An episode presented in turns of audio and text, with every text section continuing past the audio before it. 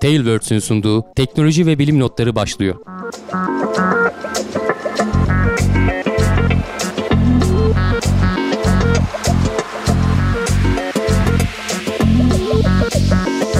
Teknoseyir'e hoş geldiniz. Ben Can Akbulut, yanımda Hamdi Kellecioğlu ile beraber yine sizler için derlediğimiz teknoloji ve bilim notlarıyla karşınıza geldik.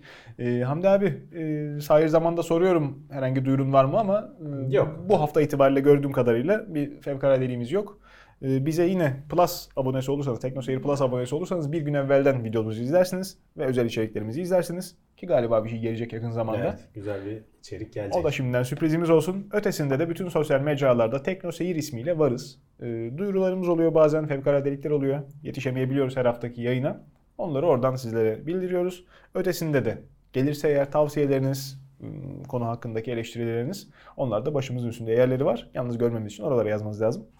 Evet, e, haberlere ben girerek gündemimizi devam ettireyim, notlarımızı devam ettireyim. Mars Insight aracı yakın zamanda haberini yaptık. Güzel indi, şey yaptı. Sismometre koruma kapağını yerine yerleştirmiş. Yakın zamanda işte yılbaşından sonraki günlerde sismometreyi de yüzeye yerleştirmişti. İşte çeşitli e, kalibrasyonlar falan yapılacak demiştik. Bu işler kolay risk alınan öyle ha deyince açılan şeyler değil. 35 kere Değil, düşünüp bir adım atıyorlar yani. ki Çünkü e, yanlış yere yerleştirme veya işte o kalibrasyonu doğru yapmazsan aldığın bütün dataların anlamsız hale gelmesine neden olabilir. çok fena işte tabii. E, yerleştirdikten sonra işte o kalibrasyonları falan da yaptıktan sonra e, rüzgarın ve işte ısınmanın etkisinden falan korunmak için o sismometrenin üzerinde bir kapak daha olacak. Tı işte şimdi onu da yerleştirmişler. Demek ki yerin Hı hı. konumu doğru, bütün şeyleri doğru yapılmış. E, niye? Çünkü çok hassas bir alet ve işte Mars'ın yüzeyinde güneşi aldığın zaman sıcaklık işte 150'leri 180'lere çıkıyor. Gecelerin eksi, Eksi. şeylere iniyor. 70-80'e Ee, iniyor. Bu kapak doğrudan üzerinde olduğu için e, sıcaklık burada alacak ve dünyadaki gibi böyle bir atmosferin yoğunluğu düşük olduğu için dünyadakinin tersine daha doğrusu atmosferin yoğunluğu düşük olduğu için e, sıcaklığı kolay kolay da içerideki o şeye aktaramayacak. Yani basit bir aslında kapakla bayağı bir dengeyi sağlamış Tabii. oluyorsun.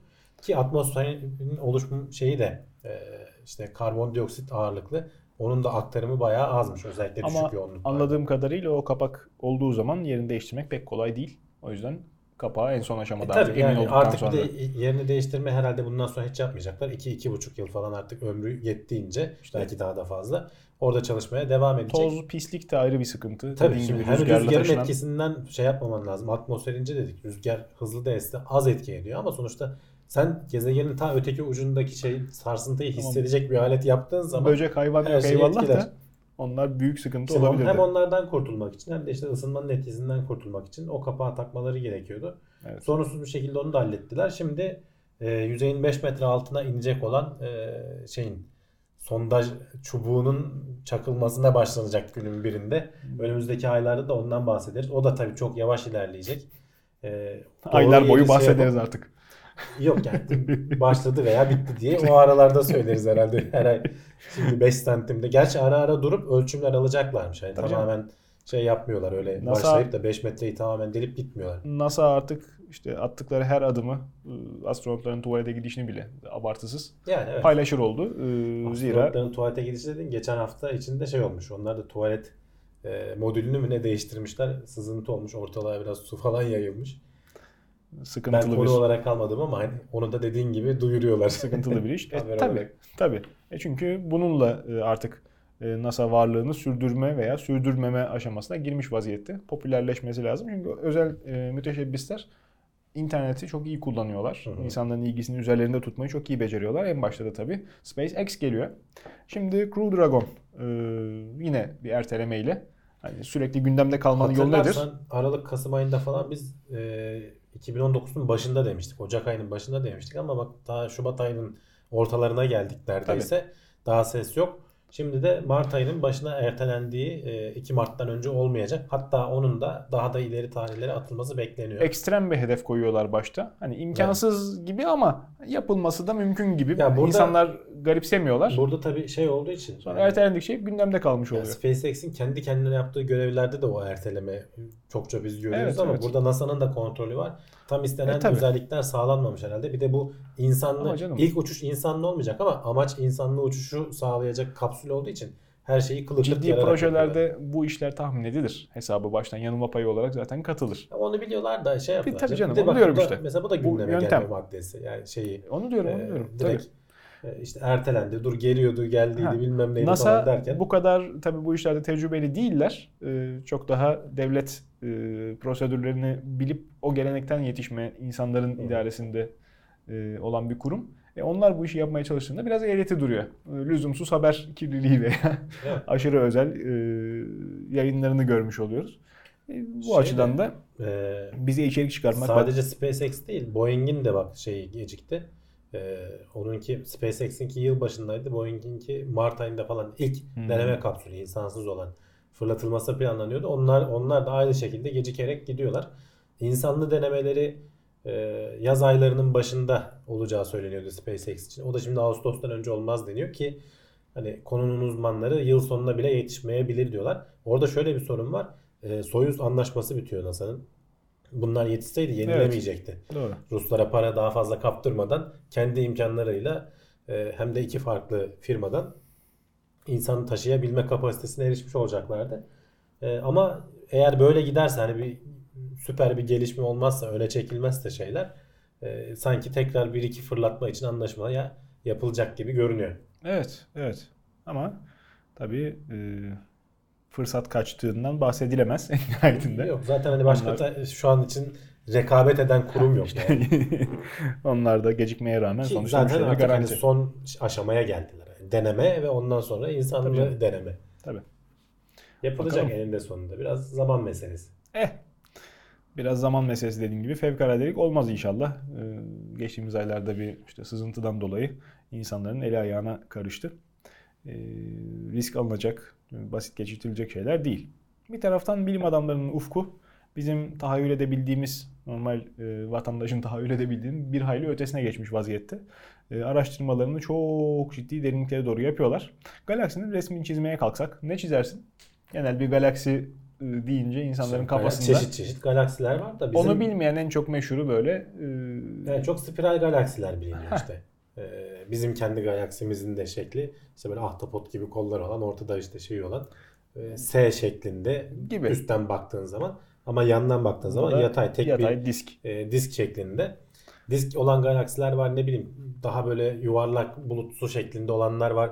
E, bizimki spiral şeklinde. Ne kadar mesafeden bakınca bunu görebiliyoruz? Bunu göremiyoruz kendi Kadraja, galaksimiz. kadraja nasıl sığıyor? İçinde Sığmıyor. olduğumuz için hiçbir zaman göremedik. Hani Samanyolu galaksisinin şekli diye Aha. sana sunulan şeyler e, hep içeriden bakılış hali aslında. Onlar Tabii. gerçek olanları o. E, o uzun pozlamalarla falan yapıyorlar. Hı hı. Bayağı böyle yıldızların olduğu bir şey görüyorsun. Ama dışarıdan şekli işte o spiral galaksi neye bakıyoruz? Bize yakın benzer özellikler taşıyan başka galaksilere ve ölçümlere biraz dolaylı E, tabii. yollardan elde ettiğimiz ölçümlere bakarak yapıyoruz.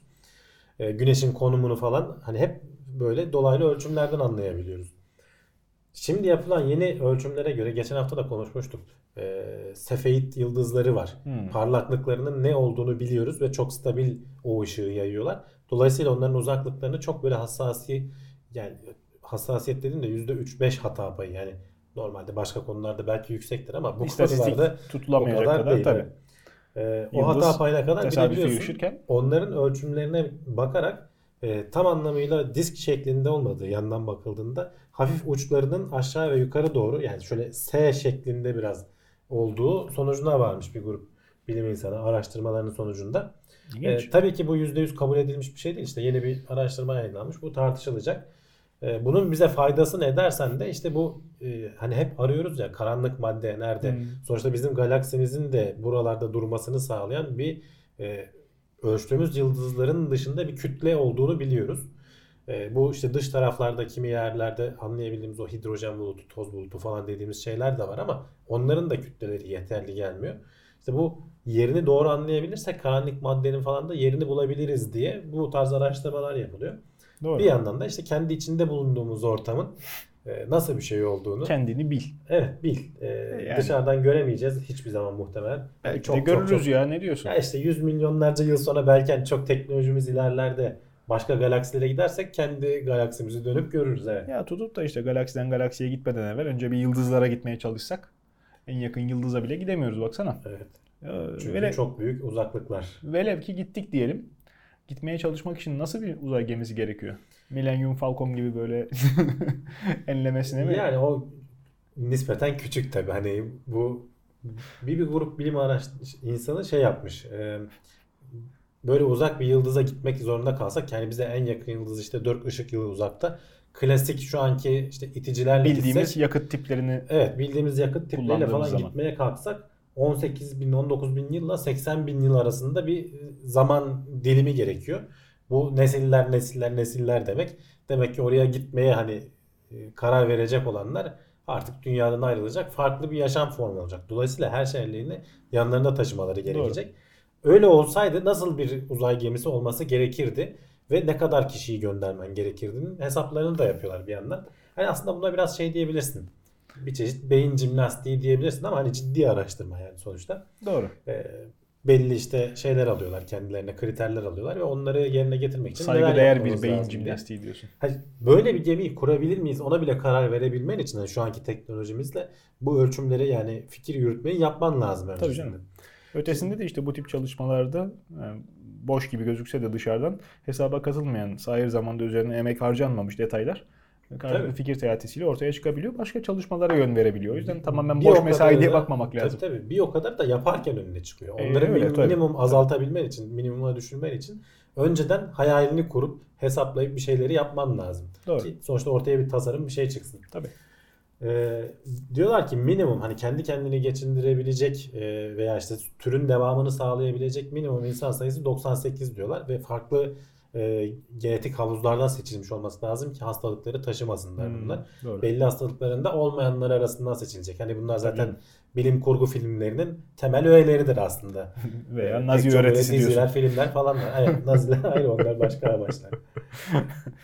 Onun, bununla birlikte şey düşünmüşler. 500 kişilik bir gemi tasarlasak biz. Ee, bunların işte yiyeceği düzgün bir şekilde beslenmeleri için buradan yiyecek götürmen mümkün değil. Kendi kendini idame etmesi lazım. Kendi soyunu kendisinin çevirebilmesi lazım.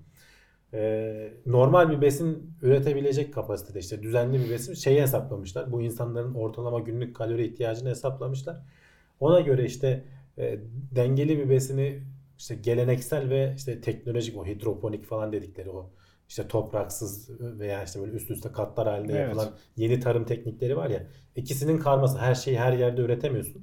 İkisinin karması teknikler kullanılarak e, 0.45 kilometre karelik bir yüzeye ihtiyaç olduğunu düşünüyorlar Hmm. hesaplamalarına göre.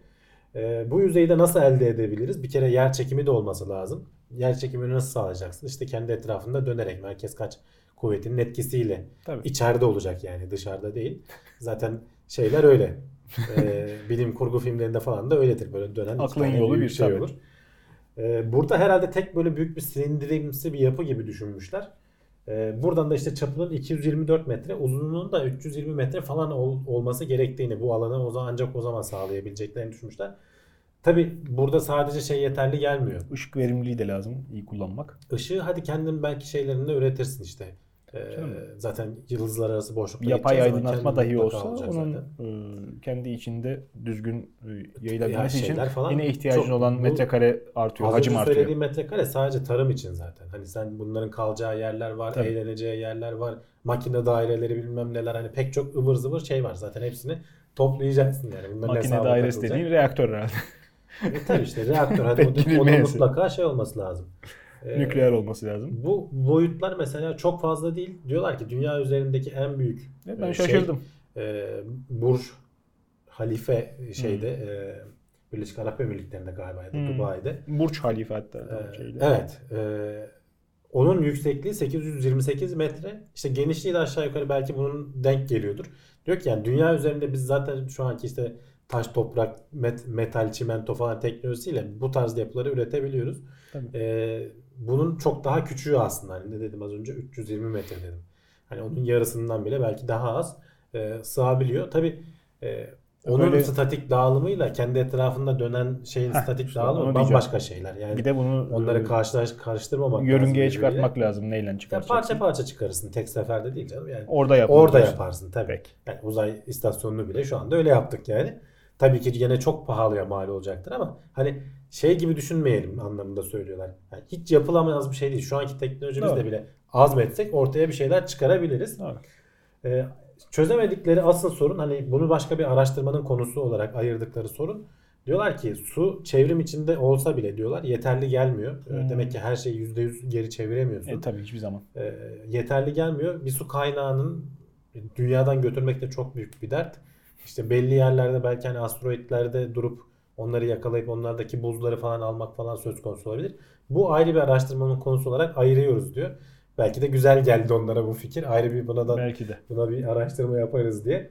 Su konusunu ayrı da, ayrıca çözeceğiz diyorlar. Ama işte bak bunları düşünerek dediğim gibi fikir jimnastiği falan yaparak ki anlatırken biz bile işte aklımıza ilginç şeyler geliyor. Hani onun statik dağılımı nasıl olabilir? Tabii canım. Kendi etrafında Herkes O kendi çapta- tecrübesi kadar. o büyüklükte çapı olan bir şeyin ne kadar hızla dönmesi lazım? İşte dakikada bir veya üç tur mu dönmesi gerekiyor neyse. E onun yarattığı yük dağılımını falan nasıl dağıtacaksın? E, dünya üzerinde evet sen Burç, Burç Halife'yi yapıyorsun 800 metre ama işte onun duruş şekli e, yer çekimine göre duruyor. En yani. kötü ihtimalle depreme dayanıklı yapıyorsun. E tabii yani Burada hani zaten onun Bu şeyin hayatı deprem. statik bir şey sonuçta. Hani hareketli en azından kendi Hı hı. etrafında dönen bir şey Tabii değil. tabii. tabii. Günün birinde olur da böyle bir şey olursa sonuçta bu hesaplar yapılmış oluyor işte. Evet, evet. Bir de tabii bunun e, başka boyutu var. Yıldızlar arası seyahat insanların kafasında hep bir yerden bir başka yere gitmek olarak şimdi. Biz kendi yörüngemizde yaptık bunu. Yola koyduk. Gidip de güzel bir e, farklı yıldızın, yıldız sisteminin e, içinde e, gezegen bulup da e, yaşam kurulabilir. E, onun yörüngesine gidip kalmakla yetinmeyecek. Bir de oraya iniş için ekstra modül taşıması lazım. Yani iniş için gerekebilir. Mesela şeyleri düşünsene. Ee, Böyle bir şeye ben mesela gitmek ister miyim diye düşünüyorum. Sonuçta yaşamın artık uzay gemisinde geçecek. E, öyle. 80 bin veya 20 bin yıldan bahsediyoruz hani Hı hı. en iyi ihtimalle. Ee, kaç nesil geçecek? Sen artık uzay gemisinde yaşayacaksın. Çıkar mutlaka 500 gönüllü bulursun dünyada illaki böyle maceracı ruhlar vardır ama şeyi de düşünmen lazım. Beklenmedik insanlarla yani insan değil de işte uzaylılarla karşılaşırsan yanına silah alacak mısın mesela gemiyi onunla dekore edecek misin veya başka şeyler. Hani bunların hepsini böyle bir göreve çıkılacağı zaman düşünmesi lazım ama bunlar tabii işin şeyinde sadece statik olarak hani ne alan ne kadar alana ihtiyacımız var onu Tabii. hesaplamışlar. Yani insanlara e, bu tip şeyler çok ciddi fedakarlık. Bir şey vaat edilmesi lazım ki böyle bir fedakarlığa insanlar girişsin. Aksi takdirde e, bir de risk e, boyutu var işin. Tabii. Yani şey her şey iyi gitse bile hayatını vakfedecek. Sosyal ilişki. Şimdi biz buradan e, NASA onun hesabını bile yapıyor. Mars'a 5-6 kişi gönderirken onların arasındaki ilişki nasıl olacak? Sen de 500 kişi gönderiyorsun. Ha, bir köy kadar adam gidiyor ya belki Şirin- daha fazla. Şirin baba mı koyacaksın başına? Yani nasıl olacak işte bir askeri düzen mi olacak? Şimdi tabii demokratik bir düzen mi buradaki olacak? etik sıkıntı da var. E, şimdi nesil değişimi söz konusu olduğu zaman e, uzay seyahatinde sen baştan gönüllüleri seçiyorsun ama orada doğacak çocuklar gönüllü değiller. Hı. E, bunları e, adeta köleleştirmiş oluyoruz. E, Evet. Çok çok ciddi bir motivasyon olmalı ki bu tip bir şeyi insanlık kabul etsin. O yüzden bir de şey de konuştuk ya senle hep e, güneş bizi koruyor diyoruz işte kozmik ışınlardan. dışarı çıkar Kendisi çıkmaz de tabii. bir miktar zarar veriyor ama sonuçta güneş sistemini terk ettiğin zaman onlara karşı da bir şeyler düşünmen Evet. lazım. Ee, O yapacağın geminin ona da Tabii. uygun olması lazım. Bunlar düşünülmemiş dediğim gibi. Sadece Hı hı. şey açısından bakmışlar olaya. Ee, yiyecek ihtiyacını Evet. nasıl karşılarız? Ne kadarlık bir alan lazım? Bunu üretebilir miyiz şu anki tekniklerle? Suyu da karşılayamamışlar. Aslında yarım yamalak bir çalışma olmuş diyorsun. Evet, evet. yani suyu şeyi yaparsın hani çevrimle bir miktar idare ediyorsun ama işte tamamen kendine yetebilir hale gelmiyorsun. Bir şekilde başka türlü çözmen lazım. Tabii. Bir de su taşıması da çok sıkıntılı, zahmetli bir Sıkıntılı, şey. evet. O yüzden tamam yanmıyor, yapışmıyor ama başka sıkıntılarımız da var dünyada hala çözülemeyen. Ee, bazen bile bile lades oluyor. Ne kadar teknik ilerlemiş olsa, ne kadar insanlar e, artık bir şeyleri açtık. İşte bilgisayar modellemeli tasarımlar var, yüzyılların inşaat öğretisi var, şehirleşme planları baktığın zaman artık çok daha farklı parametrelere göz önünde bulundurularak yapılıyor. Ama hala daha İstanbul için özellikle deprem hmm, hazır bekleyen tehdit. Bilgi var da bunlara uyuyor musun mesele orada can. Bizim Türkiye işte üzerindeki sorunumuz o. Yani Hani yasalarımız, bilmem kanunlarımız var da onlara uymadığın zaman zaten sıkıntı çıkıyor. izleyicilerimize de soralım. İstanbul'da yaşayanlar en azından. Yani benim de kent sakini olarak gözlemlediğim bir şey çünkü.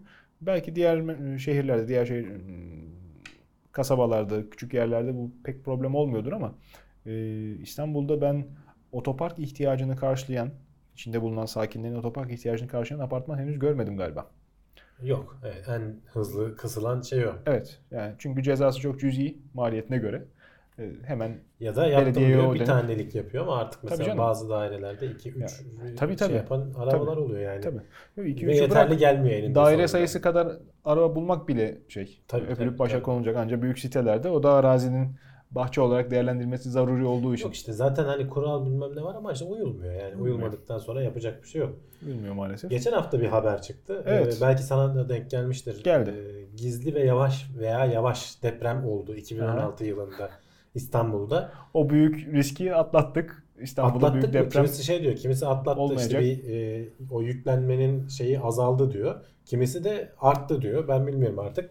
E, araştırmayı eleştirenler de var. Tek bir yerden ölçüm alınmış. Hani bununla böyle bir araştırmanın sonucunu söylemek e, anlamsız bir kere yavaş de deprem nedir onu bir konuşalım mı? Ya aslında deprem kelimesi yanlış. Hani yavaş deprem değil işte sürtünme aslında. Zaten hani deprem nasıl oluyor? Daha önce konuşmuştuk. Şöyle iki tane plaka e, yeryüzü tek bir şeyden oluşmuyor. Farklı farklı plakalardan oluşuyor. Tektonik plakalardan. Ve bunlar hareket halindeler. Kimisi birinin altına giriyor, yan yana Senede geçiyorlar. 2 santim falan Tabii hareket çok yavaş hareketler bunlar ama işte o Ama iki kaya santim kayaya biniyor. tabii kitleniyorlar birbirlerine. 300 bin yıl boyunca. Yavaş yavaş bir taraf durmuyor tabii. Arkasında devasa başka bir şey var. Kara kütlesi var. İttirmeye devam ediyor, ediyor, ediyor, yükleniyor, yükleniyor. Bir yerden sonra pat diye atıyor kendini. İşte o o dayanma, o sürtünme Tabii. kuvvetini aştığı zaman arkadaki yük. İşte o hızlı atıma biz deprem diyoruz. langır langır langır yıkıla yıkıla da devamı Ee, geliyor. Ve işte o depremin o atım esnasında ortaya çıkan enerjinin yaydığı dalgalar zaten evvel- sana geliyor. İşte Erzincan depremi, Dinar depremi, sonrasında da Bolu depremi oldu ama en hafızalarda hala yeri belki yavaş yavaş siliniyor ama hala yer tutan 99 e, Gölcük depremi, Yalova depremi. E, Birçok insanın hala daha nahoş Yani hatıralarını zaten şeyi fark edersen taşıdı. Can, o Kuzey Anadolu fay hattı diyorlar ya. O fay hattındaki zaten depremlerin tarihine de bakarsan böyle oradan yavaş yavaş yavaş yavaş geliyor. Evet evet. Buradan şey anlayabilirsin. Hani plaka arkadan ittiği zaman sağ üst taraftan kırılarak gelmeye başlamış Tabii. yavaş yavaş. Hani artık şu anda İstanbul depreminin beklenmesinin sebebi de o. Artık buraya yüklenmeye başladı. Şey- Öteki taraflar Tabii canım. serbest kaldı. Tabii. Buraya yüklenmeye başladı. Bu da kırıldıktan Yani sonra mekanik belki olarak devam ederek Zonguldak gidecek. depremi bu saatten sonra mümkün değil. Yani, Yani sistem gereği. Tabii evet yani Çünkü veya hani belki buraya olmadan arkaya bir miktar daha olabilir. Çünkü E, sonuçta yani. deforme falan gibi başka etmenler olur. var. Yani asıl yön istikamet burası. Öbürü çok Ama ekstrem işte bu da fevkaladelik mesela olur. bunun da tabii ki hani bir anda atılım olmak zorunda değil. Ee, bu araştırmada da onu söylüyorlar. Bu kayma hareketi yavaş yavaş da olsa Şimdi çamur e, olsa yaklaşık zemin- 50 gün gibi bir zamandan bahsediyorlar. 50 günde e, bu hareket yapıldı. E, işte birkaç santimlik zaten hani öyle çok fazla bir kayma değil zaten anladığım kadarıyla. 1990 5.8 büyüklüğünde bir depremdeki enerji bu sayede serbest bırakıldı diyorlar. Ama 50 günde olduğu için bu 1 saniyede 2 saniyede Evet. değil de 50 günde olduğu için hissetmedik diyorlar. 1999'daki depremde e, yer değişim 5 metre kadar olmuş yaklaşık. Tabii. E, 45 saniye sürmüştü öyle değil mi? 45 saniyede 5 metre Avrupa Birliği'ne doğru bizi Arabistan ittirmiş. Arap Yarımadası. E, bahsettiğin sayı, bahsettiğin hacim evet başta şey gibi duruyor ama devasa gibi duruyor ama bunun yanında bir hayli küçük. Richter ölçeği çünkü 10 üzeri skalası olduğundan dolayı şimdi 5.8 ölçeğinde deprem aslında çok da korkunç bir deprem değil. Tamam e, artık kakırdamış her tarafı dökülmekte olan binalar için şu e, 1960'ların 70'lerin başındaki Laz mimarisi vardı ya Hı. horon tepen binalar omuz omuza. Ama öyle düşünmesen bak tü- eğer buradaki 5.8 birkaç saniye içerisinde olsaydı emin ol İstanbul'da Canım, bayağı bir Deprem şiddeti zaten öyle yani. olur işte e, 5.8 diye bertaraf edildiği söylenen yani spread 1.7 değil evet. Yani Tabii. 7'lik bir deprem değil. Onu ol- kabul edelim. olmasın da. Yok 5.8 diye zikredilen e, hafifleme aslında çok da ciddi bir hafifleme değil. Yani. Hı. O demek istediğim o. Anladım, Risk evet. faktörü yine devam ediyor İstanbul için. Umarım e, o şekilde işlemez Ya bir şekilde. zaten şeyleri biliyoruz can. Bertaraf insanları hani sadece bizde değil. Bak bunu Japonlar da burayı çok çok takip ediyorlar. Avrupalılar da burayı takip ediyorlar. Sonuçta hani bu jeoloji uzmanları için ilgi çekici yerlerden biri. Sonuçta E, fay Amerikalılar da biri. takip ediyor. Bizim çünkü Kuzey Anadolu fay hattı San Andreas fayının klonu. Bizim hem işte bizim şekli uzmanlar hem da boyu. takip ediyor. Hani ne olacağını, kabaca nasıl olacağını da biliyoruz zaten. Tabii. Şeyler de biliyorlar. Herkes biliyor. Hani izleyicilerimiz de biliyor. Ama uygulanmıyor mu? Buna karşı bir önlem alınıyor mu dersen işte orada bir problem yaşıyoruz. Problem çok ciddi yaşıyoruz hem de. Yıllar Yani geçen hafta işte zaten denk geldi hatırlarsan. İşte bir bina yıkıldı Kartal'da. Bak kaç gündür hala şeyleri sürüyor. Ee, kurtarma çalışmaları bilmem nesi. Gerçi bitmiştir herhalde artık ama bir de senin onun binlerce binada olduğunu düşünsene. Ya bu Yani zaten en ciddi soru. Bunun e, teknik yöntem. Ya depremden sonra hatırlayanlar e, olacaktır bizi izleyenlerden de. E, kendileri hatırlamazlarsa zaten akrabalarından, yakın çevrelerinden mutlaka danıştıklarında hatırlatanlar çıkacaktır.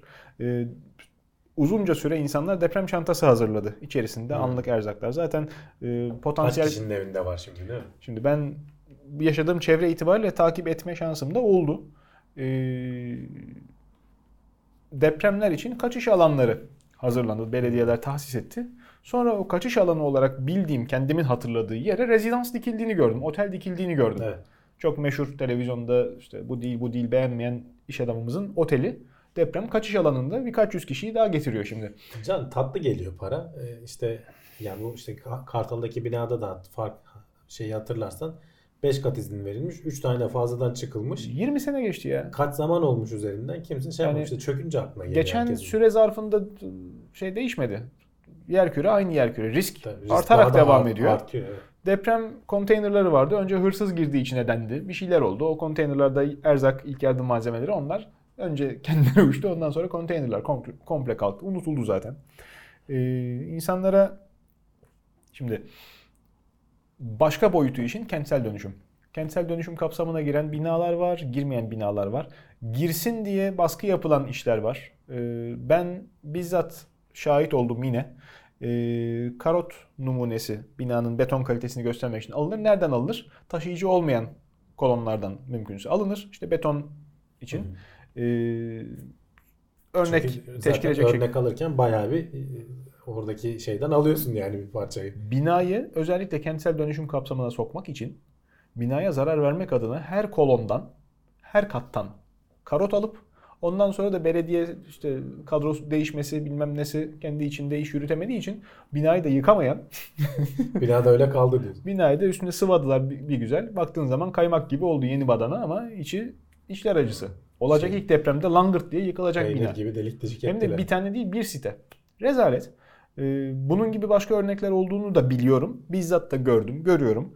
Ama e, bunlar unutulduğu için e, yapıla gelen şeyler. Şimdi belediye seçimleri arefesindeyiz. Bunun ideolojiyle de şeyle de alakası yok. İnsanımız Yok, genel olarak iş bilmez zaten. ve umursamaz. Yani her yani emin ol hangi partinin başında olduğu belediyeyi bulursan hepsinde bir şey buluyorsun. Canım insanların kendisi Orada zaten fark etmiyor. dubleks evi olan, teras kat, terası olan herkesin şeyi zaten dilim sürçtü. Terası teras katına dönüştürmek. Belki aradan böleriz, burayı da kiraya veririz gibi cin fikirler veya işte e, otururuz şey yaparız çatıyı bir 40 santim yükseltsek buraya da aslında insan sığar gibi hemen daha baştan projeye saygısızlık mimara inşaat mühendisine saygısızlıkla ağzımızı açıyoruz. Ya e, içinde bulunduğumuz coğrafya gerçekten çok riskli, çok sıkıntılı. İstanbul'un 3 değil 6 tarafı denizle çevrili. İçinde boğazı var, halici var. Yani adadan daha şey, e, baktığın zaman denizle iç içe denizi kullanamıyoruz. E, Yığıldığımız yerler şehrin merkezi, şehrin çok dışına insan davet ediyoruz. O insanlar şehrin merkezine gelip gitmek zorunda kalıyorlar. Hı. O yüzden içinden çıkılmaz trafik. Şimdi sağlıklı işlediğini düşündüğümüz zamanda bile İstanbul zaten yaka silktiren halde. Evet. Yıllardır kendimle nefret ederek yaşıyorum. Fırsatını bulsam gitmek üzere yaşıyorum. Ama fırsat da bulamıyorum. E çünkü ekonomi de burada dönüyor. Sorun orada zaten. Ekonomi Yani ya. Sen başka cazibe merkezleri Anadolu bir zaman- İstanbul'a yaşayan İstanbul'a alışan insan için Anadolu bir alternatif değil. Büyük şehirlerde bile İstanbul'da bulduğum birçok şeyi bulamıyorsun. Birçok şey dediğim benim kıl tüy yün, uzaktan kumanda e, hobisi gibi ekstrem örneklerden bahsetmiyorum. Ya dergi ya, araba dergisi bulamıyorsun. Gelmiyor, dağıtım yok. Çok basit bir şey. Ama işte tiyatro gösterisi İstanbul'a geliyor, öbür tarafa gelmiyor konser. Hı. Olmuyor yani. Çok e, Arada basit gezmeye geleceksin o zaman. basit insan işte. Bak yine İstanbul'un trafiğine geliyorsun. E tabii. Bu bir sıkıntı. Ötesinde Ee, gerçekten hani acı itiraf bundan belki 10 sene önce dönemin Bayındırlık ve İskan Bakanı ile e, söyleşi yapılıyor. Potansiyel İstanbul depremi e, mevzu.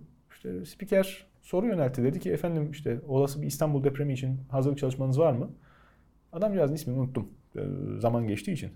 Ama sayıyı unutmadım Allah'tan. Dedi ki potansiyel İstanbul depremi için e, karşımıza çıkan maliyet hesabı yaklaşık 250 milyar dolar.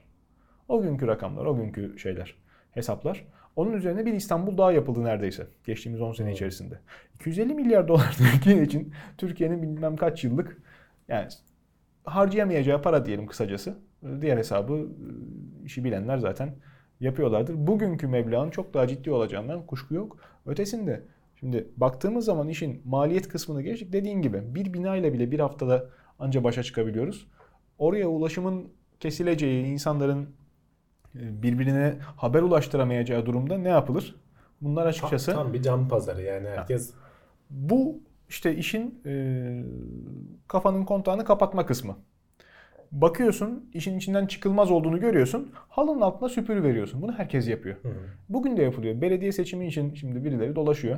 Vaatlerin arasında var mı? Ben denk gelmedim. var var var yok değil de işte Yani komple- yapıl- yapılacağına sen ne kadar inanıyorsun? Radikal değişimler çünkü ciddi ciddi bir şeylerin verilmiş sözlerin feshedilmesi, yapılan yatırımların iptal edilmesi lazım. Hı hı. Bu çok ciddi bir yük. Bunun altına da kimse girmek istemiyor haklı Evet. olarak. O yüzden e, potansiyel İstanbul depremi e, korkulu kabus olarak devam ediyor. Hı hı. Ya şeye dönersek o zaman hani daha fazla dağıtmayalım. Yavaş konuyu. deprem. Yavaş depreme dönersek hani tabir olarak yanlış. Ee, Biraz bu gazetecilerin bu deprem lafını kullanalım He. da şey çekelim, dikkat Tabii. çekelim diye söyledikleri bir şey. Çünkü yavaş sürünme denebilir, sürtünme denebilir. Evet. Böyle bir şey 2016 yılında olduğu söyleniyor. Onu da zaten hani bilimsel olarak makalesi yayınlanmış. O ölçümlere falan uzmanları bakacaklar. Çünkü dediğim gibi itiraz edenler de var. Tek bir yerden yapılmış ölçüm falan şeklinde ben açıklamalar okudum. Tabii canım. Tabii. Ama hani eğer doğruysa dedikleri bir, nebze belki bir rahatlama olmuştur oradaki şeyde. Yani Fayda. evet. Evet ama asıl atılması gereken adımları bu geciktirmemeli. Tabii, Veya insanların Yani bakışını. belki tekrar gündeme getirmek açısından iyi bile oldu bu E, haber. yani tabii. Gerçi Ama işte bak geldi, gündeme geldi. Bir sürü üzüldük. Tekrar kapatıyoruz. Hiçbir şey yapamadık. Evet, gerçi O bu haber olmasa da sıkıntı. şeyle o binanın yıkılmasıyla zaten gündeme gelmişti aslında ama. Doğru. Doğru. E yani. Bir ara deprem kuşu bile sattılar ya. Eline çırpıyorsun başlıyor ötüp gürültü Hı. yapmaya. Veya işte e, binada ses oldu mu ondan sonra baktılar ki en ufak titreşimde bile e, kuş ötüyor. Herkes pilini söktü. Şeyini kapattı. Hayat şimdi deprem riski tamam var ama e, bu İstanbul'da yaşayan arabalara kış lastiği İstanbul'da yaşayan şoförlerin arabalarına kış lastiği taktırmaya benziyor. Adam bakıyor ulan senede 15 gün var yok. Çıkmayı veririm sokağa diyor. Şimdi İstanbul'daki deprem riski Japonya gibi değil. Tabii. Orada sürekli zangır zangır sallanıyorlar. Hayatın parçası. Ona göre aldıkları tedbirler, aldıkları eğitimler sürekli sıcak kalıyor. Burada ayda İşte yılda bir olacak. 200 yılda bir hani kabaca döngüsü geldiği söyleniyor. Tabii. ya. Bir de olursa da çok fena olacak. Yani çıkarı da yok deyince artık aman öyle de olacak, böyle de olacak diye insanlar Olan, olanla kadar gidin Tabii. gitsin diye. koyu veriyor. O sıkıntı. Bakalım belki başka mecralarda tedbir almak mümkün olur. Yani deprem için de belki bir şeyler yapılabilir ama e, kısa vadede çok zor gözüküyor. Çevreye iyi bakmak, e, dünyanın kaynaklarını kurtarmaksa e, hepimizin boynunun borcu. E, Eğer önümüzdeki 50 sene daha dünyada yaşamayı düşünüyorsak öyle bir emelimiz varsa. Bunun üzerine çalışmalar hızla devam ediyor. Plastik çöpleri de en gündemdeki malzemeler. Evet, Çünkü tabiatta çözülmüyorlar. giriyor. Araba lastikleri bilhassa böyle araba lastiği gibi hibrit malzeme diyelim. Hem metalin hem plastiğin veya farklı tipte plastiklerin bir arada Kompozit. kullanıldığı. Kompozit. Bravo. Kompozit malzemelerin dönüşümü en zahmetlisi. Çünkü yenisini yapmaktan çok daha pahalıya geliyor. Hı. Ona da kimse girmek istemiyor. Onları tekrar başka amaçlar için kullanmaya belki yönlendirilebilir. Eh işte. Onunla da şey bulabilirsen. Araba lastiğini inşaat temeline gömmeyi denediler. Hı. Pek tat vermedi galiba. Çok verimli bir şey Yok, değil. fena Tedar- olmuyor ama işte Tedariği sıkıntı, Şey uygun boyda bulmak falan sıkıntı onlar. Ee, şimdi lastikleri yaksak mı? Fakirin fukaranın yıllardır yaptığı şey. e, Bilhassa Ankara'da. yakıp o işe yaratabildiğin zaman e, bunun peşine düşen birileri olacak. Bu söz konusu haberin konusunda da bir grup araştırmacı belli bir tip plastiğin. Yani şu anda çevreye çöp olarak dağıttığımız plastiğin yaklaşık dörtte birini falan bunlar oluşturuyor diyorlar. diyorlar. Polipropilen işte oyuncaklarda işte çeşitli ambalaj malzemelerinde falan kullanılan bir plastik türüymüş. Bunu yüksek basınç ve sıcaklık e, sıcak sudan falan geçirerek özel bir işte şeyle geçirdikleri zaman işlemden geçirdikleri zaman bayağı bildiğin dizel gibi bir yakıt elde edilebiliyormuş. Akaryakıt oluyor yani. Akaryakıt Harika. oluyor evet. Yani bunları toplayıp akaryakıt haline getirip ve araçlarda falan kullanılabileceği söyleniyor. Olabilir. Ee, yöntemi de göstermişler ama işte şey diyorlar. Bunu biraz daha böyle güzelleştirip kolaylaştırabilirsek e, bu atıkların toplanıp e, kullanılabilir hale getirecek bir en azından şey olur. İstek ve arzu doğurabiliriz. Evet, tabii. Bunları çünkü kullan. Şimdi alıyorsun, topluyorsun, dönüştürebilme, dönüştürememe tartışması falan oluyor işte. Doğru. Maliyeti karşılıyor mu, karşılayamıyor mu? İşte şimdi eğer böyle bir alternatif yöntem çıkarsa Türkiye'de pek yaygınlaşmadı bir ara. Daha doğrusu niye yaygınlaşmadı? İnsanlar arabalarını biyodizele çevirdiler kamyonetlerini neyse. Ee, fakat yapacakları tasarruftan çok daha pahalıya yakıt hortumu sistemini değiştirmeleri gerektiğini fark ettikleri için ee, o işlemden geri döndüler. Değiştirmeyenlerin de arabası yandı. Ama bir ara birileri denedi ve piyasada bazı dönemlerde, bazı muhitlerde hakikaten restoranlardan atık yağ bulmak mesele haline gelmişti. Çünkü evet, bir bayağı ciddi. vardı dediğin gibi. E ondan sonra işte gördüler bütün yakıt hortumlarını silikon yapmak lazım. Hı. Şimdi o da e, bayağı bir ciddi. Kullandıkları arabanın bedelinin %10'u gibi bir şeye denk gelince e, herkes yavaş yavaş döndü. Normal mazota. Ya zaten Cez- çok hemen anında işe yarayacak bir şey yoksa herkes dediğin gibi hemen Tabii. yaygınlaşıp gider. Cezbedici teklif olsun. Hemen insanlar zaten piyasadan şeyleri alır. Bakalım bu da Dediğin gibi. o şekilde bir ticarileşmeye şey yapabilecek mi? Bakalım. Bir diğer sıradaki haber e, insanların korkulu rüyası. E, kopan uzvun yerine yeni bir şey koymak çok ciddi sıkıntı. Evet. Ampute izleyicilerimizde vardır bir yerlerini kaza olur, bir şey olur, hastalık olur, kaybetmiş. Protez. İnsanlar- Şu anki Protez de çözümümüz. pek pratik işte olmuyor. Kendi bakımını Ya istiyor. ayaktayken falan nispeten yürümeni falan sağlıyor ama kolda mesela protez Canım. sadece görsel amaçlı kullanılıyor. Yani tutma, Tabii, şey yapma falan tabii. gibi fonksiyonları olmuyor. Görselde de şimdi bizim özellikle şey e, nedir adı? İnsanımız meraklı.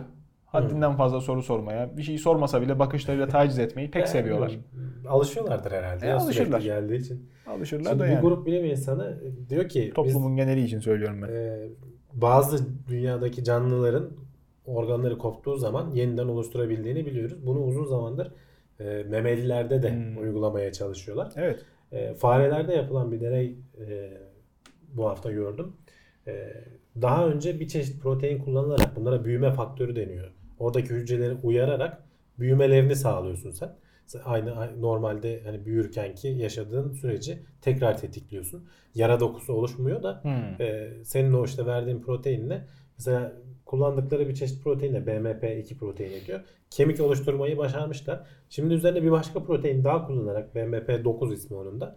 Kemiğin üzerine kıkırdak da oluşturmayı başarmışlar. Yani diyorlar ki biz artık e, eklem yerini neredeyse yapmış kadar olduk diyorlar. Vay be harika. Ee, tabii ki çok daha emekleme aşamasında ama sonuçta bir farenin işte parmaklarındaki kemik ve eklemi yapabilmişler. Yalnız burada ilgimi çeken şeylerden biri şu oldu. Diyor ki hani bu araştırmayı sadece şey gibi düşünmeyin. Ee, bir işte kopan kolun yerine yeni bir kol çıkacakmış gibi düşünmeyin. Biz bu büyüme faktörünü vererek e, kıkırdağı büyütebiliyorsak işte yaşlandığımız zaman mesela Tabii dizde canım. hani kireçlenme falan yaşanıyor. Amaç oradaki mesele ne? Kıkırdak dokusunun artık yok olması veya Yaşlanmaya gerek yitirmesi. kalmadan normal basit kazalarda da işte sporcuların başına çok geliyor. Heh, Minisküs yani. yırtığı.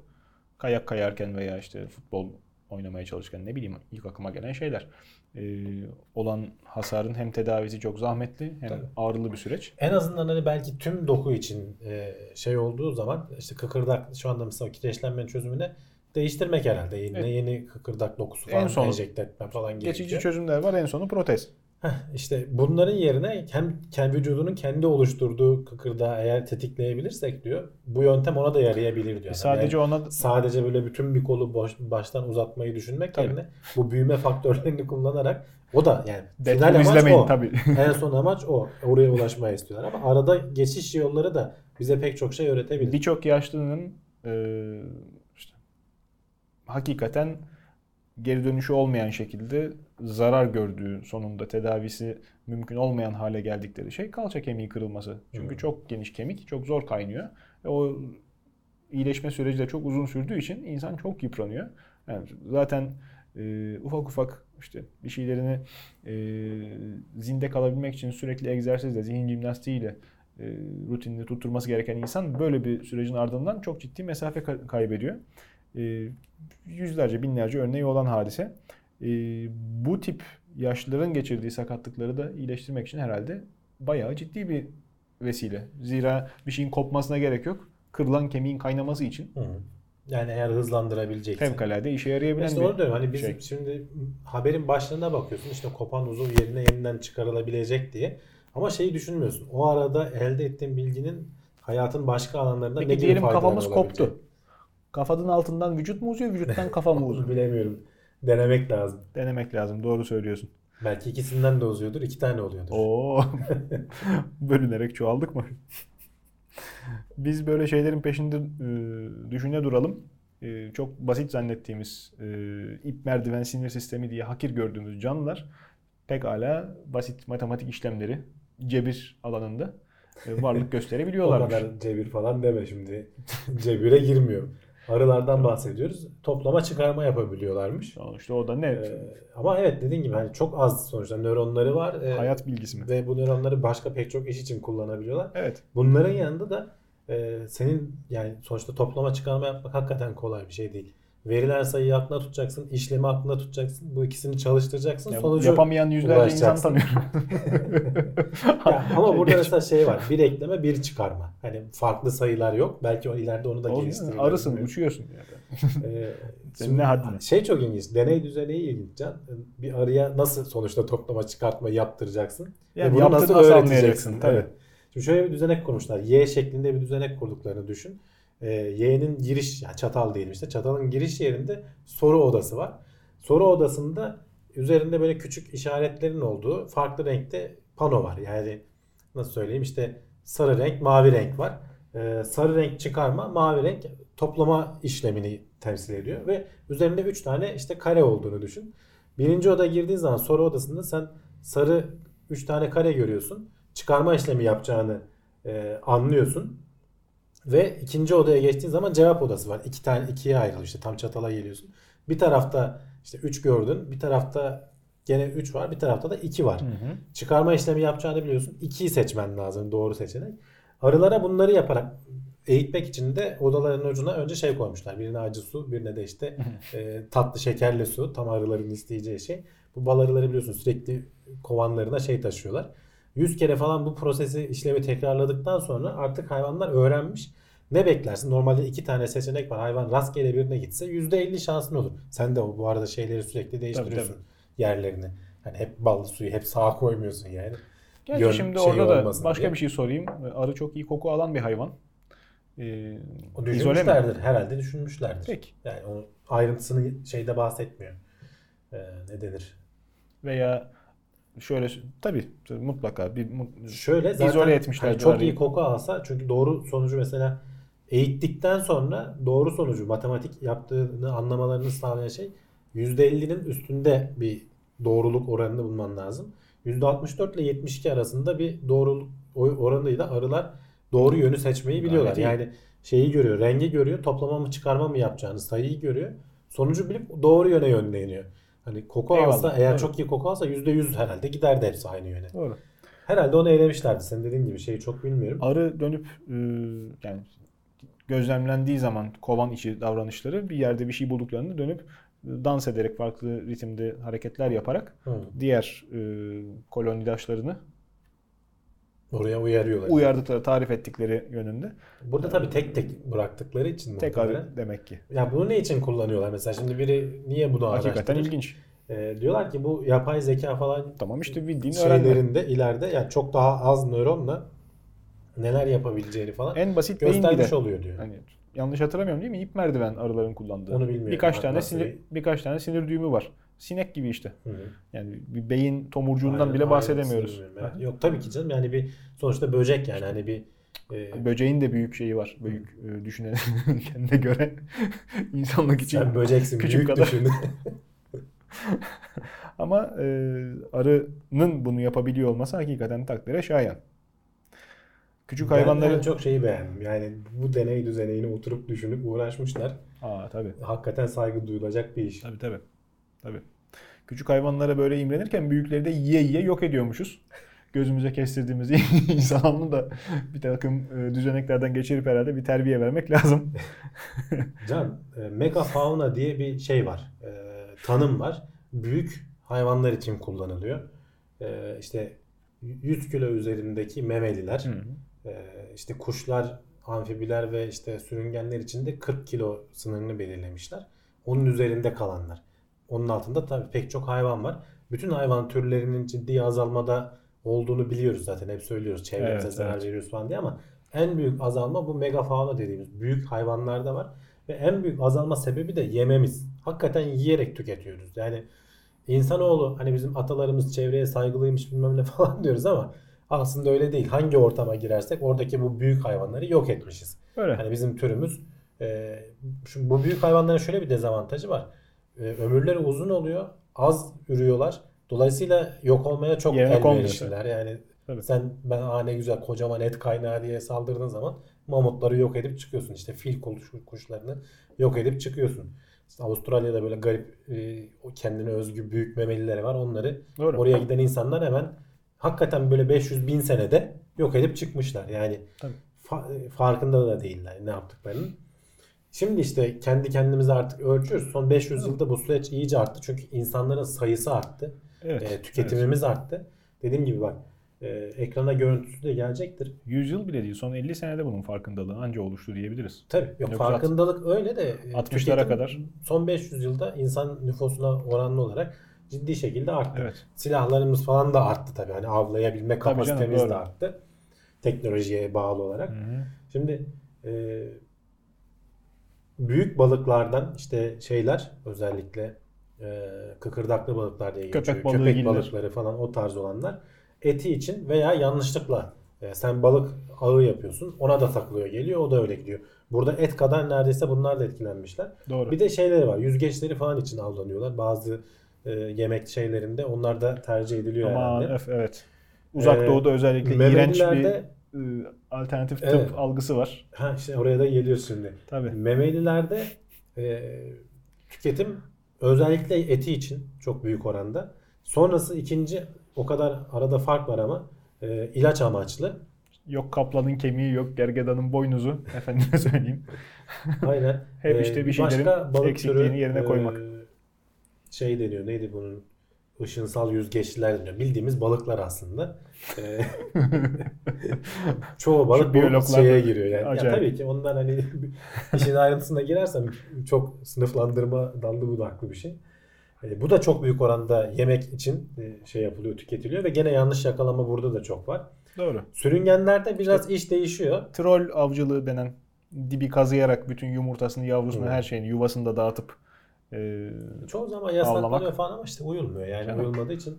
Bak sürüngenlerde iş değişiyor. En çok yakalanma ve yok edilmeleri yumurtalarını almak içinmiş. E, sonrasında gene Çok yiyecek. Ve ondan sonra da şey derisi için falan alınıyor Hı. zaten. e, timsah işte. Ee, Veya yani mesela şey var. Garip garip hani çok da bizim buralarda bilmediğimiz. Mesela Çin'de dev Çin semenderi diye bir şey var. Hı. Ee, 65 kiloya kadar falan olanları varmış. Semender hani şöyle küçük canlılardır genelde bizim bildiklerimiz ama oradaki biraz sevilmiş. E, onu yiyorlarmış yani onu yakalayıp Yiyorlar. e, ne bileyim işte köpek balığı falan yiyorlar. Bizim buralarda bilmiyorum o kadar yaygın değil ama biz de işte yiyor. diğer balıklara ve memelilere dadanıyoruz yani. Bu memeliler Tabii derken canım. de işte hani zaten şey için et için yetiştirilenlerden kastetmiyoruz. E, filler, Ya gergedanlar. canım işte bir de işin yani 100 kiloyu geçen içine- vahşi hayvanları düşün. e, belli bir e, gelir seviyesinin üzerine çıkıldığı zaman şimdi insan ne bileyim ya ince konular, hassas konular ama e, çok kabaca bakıldığında bir şey sahibi olmuş olma arzusu yani bir farklılığın olmasını istiyor. Herkes e, dana yerken e, o besi olmayan işte geyik yemek istiyor veya ceylan eti Hı, hı. İstiyor. Bunu da sunan var. Ayı eti yemek istiyor. Olabilir. Yani atalarının alışkanlığı bir tarafa bir taraftan da işte farklılık olsun. Bunu da deneyeyim veya E, memelilerin yine çok sık kullanım alanı deri. Şimdi, tamam otomobilin koltuğu kimi insan sever sevmez. Ha, deri koltuk e, uzun ömürlü olsun, uzun süre güzel gözüksün diye çok sıkça tercih edilen materyallerden. E tamam da şimdi sentetik deri var bunun işte hadi inek derisinin de çiftlikte özel yetiştirileni var işte yara şeyi olmayan yekpare bir metrelik parçayı tek deriyle kaplıyorlar. Hmm. Deri ceket artık yapılmıyor ama otomobil konsollarında hala kullanılıyor lüks tüketim olduğu için. Mobilyalarda da kullanılıyor gerçi ev için ama çok e, onların tabii sayısı sınırlı. E, tamam da şimdi ceylan derisine ne gerek var? Ya İstiyorlar, işte- isteyenleri de e, şey sunuluyor. Benim en Piyasada çok şey gözümün her zaman hiç gitmez o Talep yavru fokları kalmıyor. avlama Aa, şekilleri tabii. vardır ya. Evet. ya. Veya mesela şey de oluyor. Döve döve. Geçenlerde haberini duydum bilmiyorum gerçekleşti mi ama mesela Japonya tekrar balina avcılığına başlayacağını duyurdu. Evet. Bu uzun uğraşlar sonucu bütün ülkeler karar verip bunu engelleyelim demişlerdi. Hakikaten biraz da sayılar artmaya başlamıştı. Tekrar çünkü burada bir ekonomik şey de var. İşte bir Tabii canım. e, karşılığını alıyorlarken uğraşılıyor bu. Ama işte insanoğlu işte bu büyük canlıların Şimdi %70 oranında falan yok olma Dönüp öbür tarafına baktığın zaman da boynu bükük Japon balıkçı aileleri var işte nesildir, birkaç nesildir. Adamlar e, balina avcılığı görmüş, öğrenmiş, bununla Evet. yaşıyor. Bu işimizden de olacak işte şeyimiz batıyor falan gibi. Yani işin e, bakış açısına göre e, kendini aklaması insanlığın çok Evet, kolay. öyle oluyor İşine bence geldiği gibi pek hala çeviriyorlar ama işte bu bilmem neyini büyütmek daha dik dursun diye gergedanın boynuzunu öğütüp de suyunu içen adamın yatacak yeri yok. Hiçbir anlamı olmayan. dayak paklar bence. Naçizane kanaatim. Yani e, o kadar ciddi ki bunun boyutu biz gülüp geçiyoruz ama yani dinlenme tesisindeki çikolata bizim pazarımızdaki payı belki. Belki işte internetten bilmem nereden satılan hapı, suyu. Adamlar ciddi ciddi yani bunun şeyini kurmuşlar. Kartelini kurmuşlar. İşte- Bütün Güneydoğu Asya haldır haldır bu, Afrika'yı sömürüyor. tabii tabii. Hayvan kemiği gelecek onu Kaplanlar için de Şey bir benzeri Tabii canım, var. tabii. İşte Afrika'nın fil dişi olayı çok Evet, şey doğru, doğru. orada. Ee, ya bunu belgesellerde falan izliyorsun. Bunlara karşı pek çok önlem de almış. filin ama adam dişi kocaman uzun sert neden olmasın. Aklına gelen bu o yani. canım, o alet edevat yapımı için de kullanılıyor. o da kullanılıyor tabii doğru da yani. Ee, Medeniyet olarak şimdi bir tarafta uzay haberleri veriyoruz işte şöyle ama insanoğlunun ortalamasına Or- bakıyorsun. Evet. Zeka burada. Yani of. O yüzden e, bunlar sıkıntılı mevzular. Bir taraftan da işte insanoğlunun e, içinde bulunduğumuz teknolojik raddeye ulaşması veya işte muasır medeniyet seviyesine ulaşan Batı'nın e, bu aşamada kat ettiği e, merhaleler aslında çok içler acısı basamakların kat edilmesiyle olmuş. Evet. Ee, Avrupa'nın coğrafi olarak ciddi bir tarım dezavantajı var. Kaynak sıkıntısı var. Maden olarak çok çok verimli değil en azından e, geçtiğimiz yüzyıla kadar, sanayi devrimine kadar. Tamam kömür rezervleri var ama öncesinde e, pek de işe yarar şeyler çıkmıyormuş. Zaten o yüzden başka yerleri arıyorlar. Arıyorlar. Bir tetikleyici şeylerden Ve biri. buluyorlar. Ama tabii buldukları yerde başka insanların da olacağını düşünmemiş olsalar gerek.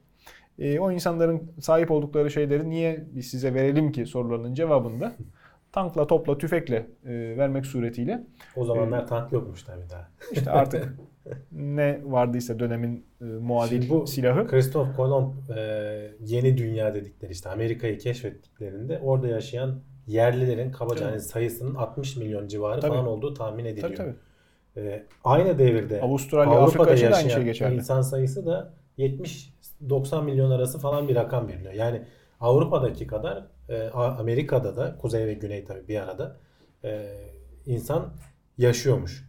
Ama sonra 100 yıl içerisinde hani bu beyaz adam oraya gittikten sonra Hı hı. 100 yıl içerisinde bu 60 milyon insandan sadece 6 milyon kalmış. Evet. E, Ve bu da tabii dediğin gibi çoğu katliamlarla daha da fazlası hastalıklarla telef olmuşlar aslında. Taşıdıkları virüslerle falan. Farkında da değiller yani. E, o da doğru. Kendilerini taşıdıklarının. Ama katliam da hatır Ama habere konu olan şey bu zaten hani biliniyor. E, habere konu olan şey bu nüfustaki çok ciddi azalmanın küresel çapta bir e, şeyi buz devrini tetikleyebildiği. Aslında zaten e, bin- 1300 ile 1800 yılları arasında küçük bir buz devri galiba yaşanıyormuş ama e, oradaki şeyi bu kadar kişinin ölmesi niye böyle oluyor bu Hmm. arada onu da söyleyeyim. Tarım bir anda yok olmuş oluyor. Bütün açılmış olan tarım arazileri onlar da kendi doğaya zarar veriyorlarmış aslında. Tabii. Ağaçları falan keserek Dünyada kendilerine öbür- alan açıyorlarmış. Tabii.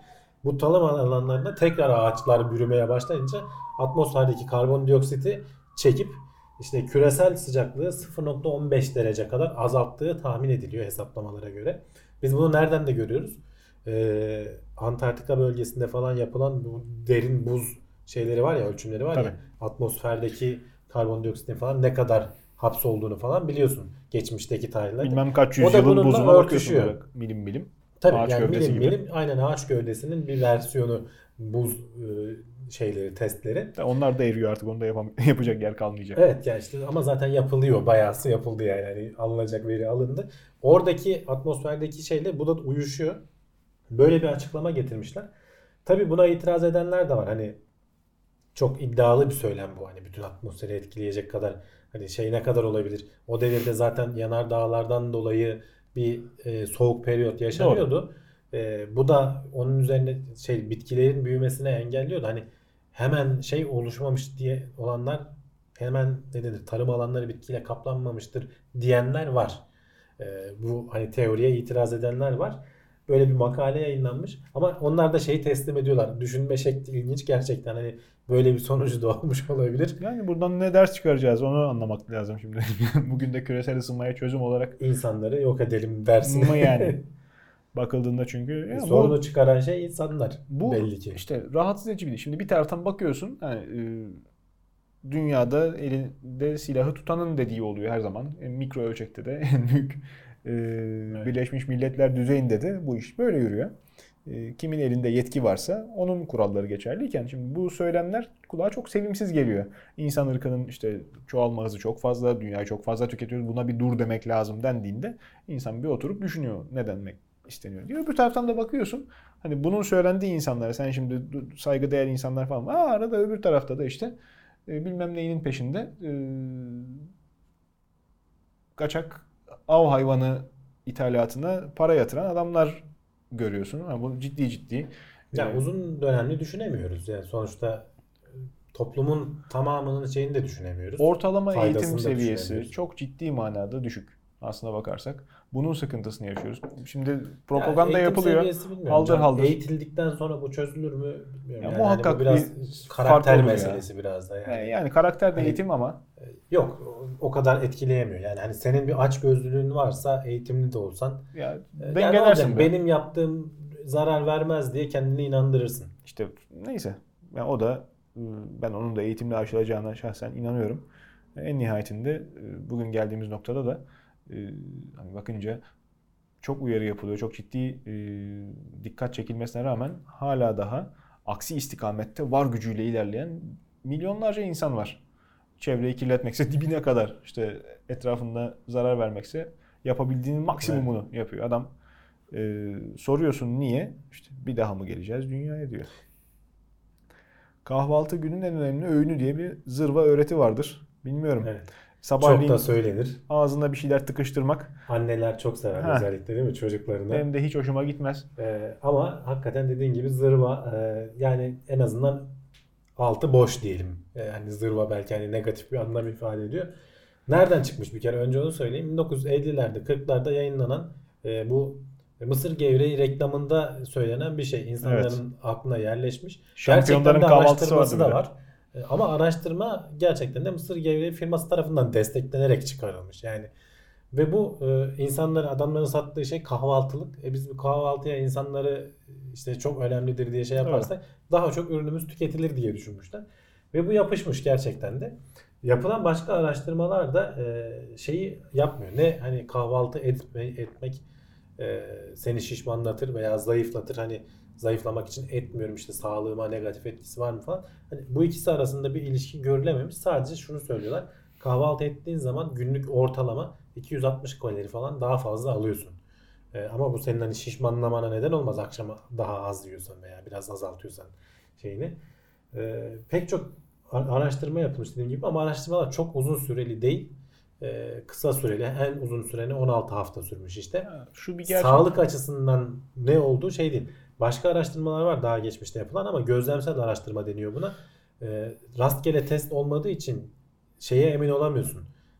Kahvaltı edenlerin daha uzun işte kalp hastalıklarına falan daha az yakalandığı görülmüş ama e, bu bunun nedeni midir diyemiyorsun. Hani, Onu diyeceğim. İnsan oğlunun yani, e, gen havuzu çok geniş. Tabii. Çok çok farklı varyasyonlar var. Çok farklı beslenme kültürleri var. Birinin yediğini öbürü ömründe işte YouTube'da en çok izlenen videolardan e, yabancıların baklavaya verdiği tepkiler. Hani bakıldığı zaman insanlar e, beyni yanıyor diyorsun şeyden şerbetten. Ko- Allah'ın Korelisi hıyar turşusu yiye yiye gelmiş oradan baklavayı ağzına koyunca e, tanımlayamıyor çünkü ömründe yemediği kadar saçma sapan bir şeker. Ne gerek var? Öbür tarafta adam 4 tane 5 tane indiriyor üstüne kaymak da sıvıyor. Neyse. e, Güzel dedin Can. Ha yani kültür çok farklı, alışkanlık çok farklı. Bunun yanında genetikler de e, ciddi manada dünyanın her tarafında değişiyorken dünyanın her yanında duyduğumuz kahvaltı günün en önemli öğündür. Söylemek bana biraz garip geliyor. Buna. yani tabii. Ee, ya söylenilen hani ha- yazıda da son ana fikir olarak söylenilen şu. Sen kahvaltı ediyorsan da sağlıklı beslenirsen zaten sıkıntı yaşamazsın. Kahvaltıda ne yiyelim? yani bir kahvaltıda yapıştır. gidip de işte çörekler bilmem neler Greyfurt falan yiyelim mi yiyorsan- kaşıkla? Ha, kaşıkla greyfurt diyorsan güzel. Ama e, ne bileyim işte meyve yönünden zengin besleniyorsan kahvaltıda. Şimdi kahvaltılıkta e, şöyle Hani bir aslında sıkıntı. her öğün için geçerli bu dedim. Bizim kahvaltılarımız yine iyi. E, Dediğin gibi mısır Bizim kahvaltılarımızın şöyle bir sorunu var Can. E, ağız tadımız da biraz onunla alakalı. Çok tuzlu yiyoruz. Yani bizim peynirimiz, zeytinimiz Yani, inanılmaz evet. tuzlu. Yani tuzlu ama işte zeytinimiz var. Yani kahvaltıda öyle. meyve yemek çok kulağa absürt gelse de aslında yine iyi bir şey. Baktığın zaman diğer her şeyde şeker bombası. tabii. E, kahvaltılık diye satılan her şey enerji versin güne başlıyoruz. E, günün geri kalanında sanki enerjiye ihtiyacımız olmayacak. Öyle şey. Akşam yemeğinde tatlıya laf Ama bir anda edenler. mesela ben kendimden sabahleyin- söyleyeyim. Sabah uyandığımda çok fazla bir şey yemek istemiyorum. Mümkünse onu uzat yani aslında değil mi? Öğlene kadar idare et. Bir öğün hani kiloluysan eğer diyorum. Canım, bir öğün atlatmış olursun. Aksini Düzgün söyleyen de çok var işte vücudun yapısı itibariyle. Bunlar sonuçta bireysel yani hastalıkla da e, etkilenen şeyler. Bireysel e, araştırma kişinin kendisinin yapısına göre reçete yapılmasını gerektiren haller Evet. ama yani aklın yolu da bir. Şimdi istemeyen için ben sabahleyin sabahın köründe kalkar kalkmaz bir şeyler yemek istemiyorum. Zor geliyor. Niye yiyeyim? Niye sen bana dayatıyorsun bunu? Yemediğim zaman da hayatından bir şey eksilmiyor. İşte o annelerin içgüdüsü Teyzem- herhalde. Can day- dayatma Teyzem çok sever böyle bir şeyleri. Asıl dayatmacı odur. Yani. İyi yavrum diye. Heh, bir şeyleri bulup da göstermeyi e, bilmem niyet gazetesinden kesmiş işte gösteriyor. Diyor ki bak evladım sen e, kahvaltı yapmazsan hayatta bir gram bile veremez misin? Bana 35 kilo verdikten sonra gösteriyor yalnız bunu. Mutlaka kahvaltı yapacaksın diye. Yani tamamen kişiden kişiye değişen aslında dediğin gibi altı çok eşelediğinde bir yere varmayan söylemler ama çok kadim öğretiymiş gibi sahip çıkılıyor hep. Benzer bir e, başlıkta süper kahramanlar. Artık senaryo üretmekte zorlandıkça film yapımcıları e, karşımıza süper kahraman filmleri geliyor Evet. birbiri ardına. Şimdi bu hafta böyle çok güzel bir yazıya denk geldim. Şimdi süper kahraman filmleri e, zaten hani şeyi süper yani normal değil zaten hani onu izlerken mantık aramayacaksın değil mi? Süpermen diye bir adam var. E, uçuyor, kaçıyor, gözünden ışın saçıyor işte ne bileyim e, binayı kaldırıyor, koyuyor kenara falan veya işte arabaları taşıyor, bir şeyler Ama yapıyor. Çantası çalınan kadına yardım ediyor. Onlara da yardım ediyor canım. Şimdi burada ilginç Hakka olan şey bazen yok. benim de dikkatimi çeker. Peki. Süpermen bir binayı kaldırabilir mi? Adam diyor ki yazıda. Tamam diyor anladım diyor. Ben buna mantık gözüyle bakmıyoruz diyor. Adam zaten Süpermen diyor yani. Ama diyor bina süper mi diyor. Sen binayı alıyorsun kaldırıyorsun diyor tek bir noktada. O binanın diyor Onun- statik dayanımı diyor buna göre tasarlanmamış ki diyor. Çok güzel videosu Müm- vardı. Mümkün Tabii. değil diyor yani o binayı. Adam oturmuş hesaplamış. Kabaca Eski bir zannedersem e, şey ekin silosu. E, Büyükçe tuğla örgü. Eleman e, buldozerle onu bir tarafından kaldırıp yıkacak aklı sıra. E tabi buldozerle altına girer girmez silindirik yapı orası bo- boş oluyor. Adamın üzerine yıkılıyordu. Bildiğim kadarıyla da oradan canlı çıkmıyordu. E, aynı mantık. Tabii ya işte burada Justice League'in bir bölümünde böyle bir şey olmuş. Hani insanları kurtarmış binayı kaldırıp bir yere götürmüş. Bunda diyor ama hani binayı da öyle düşünüp taşınıp destekleyip kaldırmadı diyor adam. Hani Çüş Süpermen. belki yuh altındaki hani böyle bütün toprak parçasıyla kaldırsan belki diyor adam. Tabii. Tuttu binayı ucundan kaldırdı diyor. Bak gösteriyorum diye çizim de yapmış oraya. Şimdi diyor ki e, bina süper değil adam süper de bina ona göre tasarlanmadı. Tabii. Ağırlığını falan hesaplamış. E, şimdi basınç diyor hani tamam binanın ağırlığını kaldıracak kadar diyor Superman gücü var diyor. Aynı ağırlıkta hani etki tepki prensibiyle ağırlığı karşılayacak kadar. Ama diyor sen onu diyor elinle itiyorsun diyor. O binanın bütün bastığı alanla değil. O ağırlığı elinle ittiğin zaman oradaki basınç işte 670 megapaskala falan çıkıyor. Pascal işte biliyorsundur sen de basınç birimi. Bilmem mi? Ee, bildiğimiz en dayanıklı şey e, beton 80 megapaskala falan dayanıyor. Granit 130 megapaskala dayanıyor. E, metal falan bile dayanmıyor diyor yani bu kadar yüksek şeylere. Şimdi Yani binada sen diyor şey yaptığın zaman Superman diyor bir ucundan girer öteki ucundan çıkar diyor. Hatta bunda şeyle denemiş. Bir kürdanın diyor üstüne şey koydum diyor. Bakın diyor kek koydum diyor. Aynı diyor etki diyor. Kü- Kek tabii ki kürdana lap diye geçiyor yani. Burada da diyor aynı saksıya etki fesleğen gibi oturur. Şimdi Veya şey de söylüyordur onu da anlatayım. anlat anlat. Ee, binayı diyor hadi diye onu kaldırdı diyelim. Binanın yan tarafındaki ağırlıklar ne olacak diyor. Oralar bina durmuyor ki. Aşağı doğru eğilmesi lazım. Binanın kenarlarının çökmesi lazım diyor. Süpermen'in zaten benim başlı başına e, oturup da düşündürten şey uçma gücü. Uçma gücü nedir Allah aşkına? 1900'lerin başındaki çizgi filmlerinde e, bir zamanlar televizyonda yayınlanıyordu. Denk geldiğim için. Ama Orijinal çizgi roman. Superman olmaz canım sende. Zıplıyor. Zıplayarak en yüksek binaları bile aşabilir deniyor. Süpermen'in uçma gücü çok işte Bir, bir yerden sonra kesmemiş diyorsun. bacak zıplama. edeleleri kuvvetli olduğu için zıpladı mı işte 300-500 metre neyse irtifa dağılarak ilerleyebiliyor. Eskiden öyle miymiş? Eskiden öyleymiş. Ondan sonra o bir şekilde Hollywood uyarlamasına uçma gücüne dönüşmüş Süpermen. Uçan balon gibi. Ya hadi bak değil mi? Uçarken de bir şeyleri kaldırabilen bir arkadaşımız. Tamam, hani hepsi zaten ga- garip garip karakterler. Süpermen'i falan anladım. Adam süper yani. Hani Adam süper. Öyle kabul edelim de. Pantolon üstünde don giyen adam. Ha, üzerinde savaşta şeyler süper değil ki yani tutup sen onu kaldırıyorsun. Bir arabayı forkliftle şey denk gelmeyen yerlerden kaldır da bak ne oluyor. Hemen Ben gövdesi biliyorum biliyorum yani. yapmışlar bana. Yaparlar yani. Evet. Onun altında yerleri vardır. Denk getirip de kaldırman gerekir. Arabanın her tarafı aynı. Lastiği değiştirirken falan bile. Klasik şeylerden bir tanesi işte. Süpermen'in binayı kaldırması kadar gözümün önüne geldi şimdi. Denk gelmiş. Arabayı tutar kaldırır. İşte ya taş adam ya bilmem ne e, alüminyum adam kaldırıp öbürüne beyzbol sopası gibi e, bismillah tuttuğun yeri çamurlukla tampon E- zaten. elinde kalır zaten. Elinde değil mümkün değil. İskeletinden tutsam bile ikiye bükülür. Ya bilmiyorum. Bir de zaten savurup vurmak aramıyoruz ama işte bazen ben zaten izlemiyorum artık. Son zamanlarda iyice Oo, bıraktım. tabii. Bir ara izleniyordu. Şimdi iyice koptular.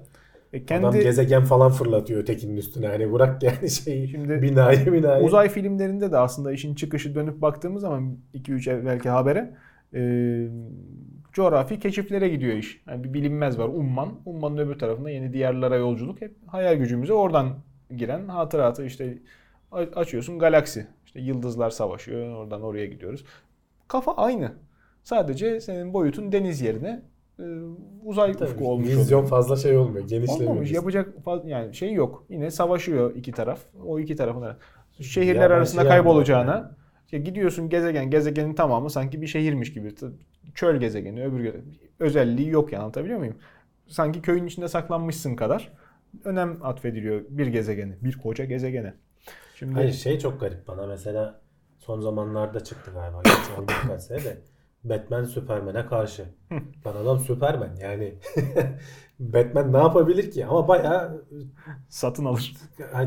yani en Rüşvet verir. en fazla bakalım. rüşvet verirsin. Hani senin yapabileceğin her şeyin üstünde değil mi bu adam? Süper ya işte yani her şeyi adam büküp koyuyor kenara yani. Parası var. Ama savaşıyordu işte filmde. Nasıl var? Biraz diyorum ya artık şeyden çıktılar yani tamamen. Ya biz zaten mantıklı değildik. Onu Bari diyeceğim. Şimdi gitsin diye. galaktik boyuta ulaştığımız zaman dünyada bir zamanda işte soğuk savaş gerginliğinin çok ekmeği yenmiş. İşte İkinci Cihan Harbi'nin Hı. e, o kendince yarım yamalak bilgi akışı, o e, mahfuz bilginin e, dışarıda farklı şekilde yorumlanmasıyla zaten bir sürü efsane türetilmesine vesile olmuş. Şimdi o soğuk savaş gerginliğinde de işte bir kötüler var dünyada işte neydi belirsiz onların. Tamam onun da ekmeği bir dönem yendi ama bitti dünya artık küresel oldu. Dünyada bir kötü kalmadığını artık herkes biliyor. Bir de artık oradaki adamlara da biz bunu satmak istiyoruz. Şimdi sen Rus'a sen kötüsün diye Değil mi? gösterdiğini satamıyorsun olmuyor. Ne yapacaksın? Ya- yaratıcı bir şey uyduracağım bir yerde. Şimdi ha farklı galaksi oldu. Oradan boyuttan bilmem ne adam geliyor. O adam dünyanın e, ortadan ikiye yaracak kadar gücü var ama ne hikmetse işte bilmem ne çekirdeği eksik onun peşine düşüyor falan. Bir sürü hikaye. Artık gitgide saçmalıya saçmalıya. Bir yere de varmıyor. İşte her biri tek başına dünyanın dengesini değiştirebilecek kadar güçlü adamlar üçü dördü bir araya gelip de bir Evet şeyi yani kesmiyor herhalde. Demek ki Tabii. bir kahraman ki böyle ekip halinde artık sanıyorum. yani o yüzden Onlar da habire dayak yiyor. Mesela her biri sen Evet. ya kendi filminde adam muhteşem ya her şeyi Tabii. yapıyor tek başına.